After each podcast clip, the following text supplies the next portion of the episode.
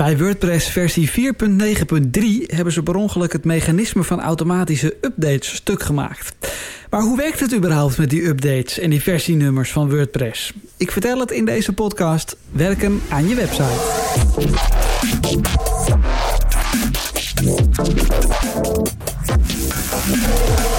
Aflevering 9, leuk dat je luistert. Mijn naam is Teunis van Wijngaarden. Ik heb een tijdje geen podcasts gemaakt, dus het werd weer de hoogste tijd. Dit keer even over WordPress-versies. Ik zei het al, bij de update van 4.9.3 werd het update-mechanisme stuk gemaakt. Dus sites die op die versie zijn beland, gaan niet automatisch naar 4.9.4. Je moet dat even handmatig doen. Dat is een mooie aanleiding om te praten over ja, hoe zit dat nou precies met die versies, die versienummers. In techtaal praten we over releases. Er zijn grote releases en kleine releases, major en minor. De major releases zijn de eerste twee getallen, dus 4.7, 4.8, 4.9. Het stapje van 4.9 naar 5.0 is net zo groot als het stapje van 4.8 naar 4.9. Er bestaat dus niet zoiets als WordPress 4 of WordPress 5. De minor release, dat zit in het derde getalletje. Dus bijvoorbeeld 4.9.2, 4.9.3 of 4.9.4. Dat zijn kleine updates en dat is dan vooral bedoeld voor bugfixes en security fixes. Sinds versie 3.7 gaan die minor updates, dus het derde getalletje, die gaan automatisch.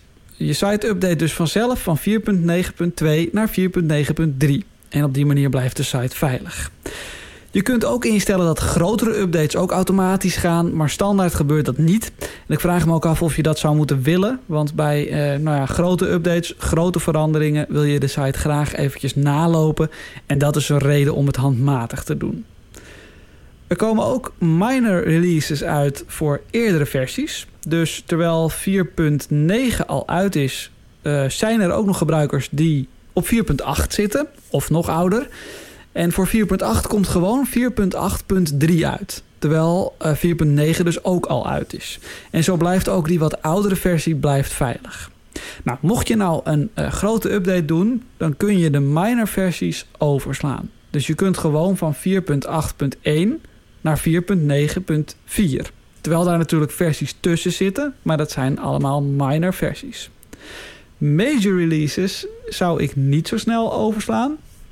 Ehm, als je ver achterloopt, dan zou ik die update in kleine stapjes doen in plaats van in één keer die hele grote sprong. Uh, nou, wat was er nou nu misgegaan bij de laatste update? De automatische update van 4.9.3 naar 4.9.4 is stuk gegaan. Je moet dus eventjes handmatig updaten, anders blijf je nou ja, voor altijd op 4.9.3. Mensen die op 4.8 of lager zaten, dus een uh, major versie eerder... en nou, die dus een beetje achterliepen... die hebben hier geen problemen door... want hun minor updates blijven gewoon automatisch gaan. Het had dus eigenlijk voor één keertje nut om een beetje achter te lopen. Tot zover de podcast Werken aan je website. Ik vind het altijd leuk als je me een eh, berichtje stuurt via e-mail... of als je iets achterlaat via het kanaal waar je op luistert. Tot de volgende keer.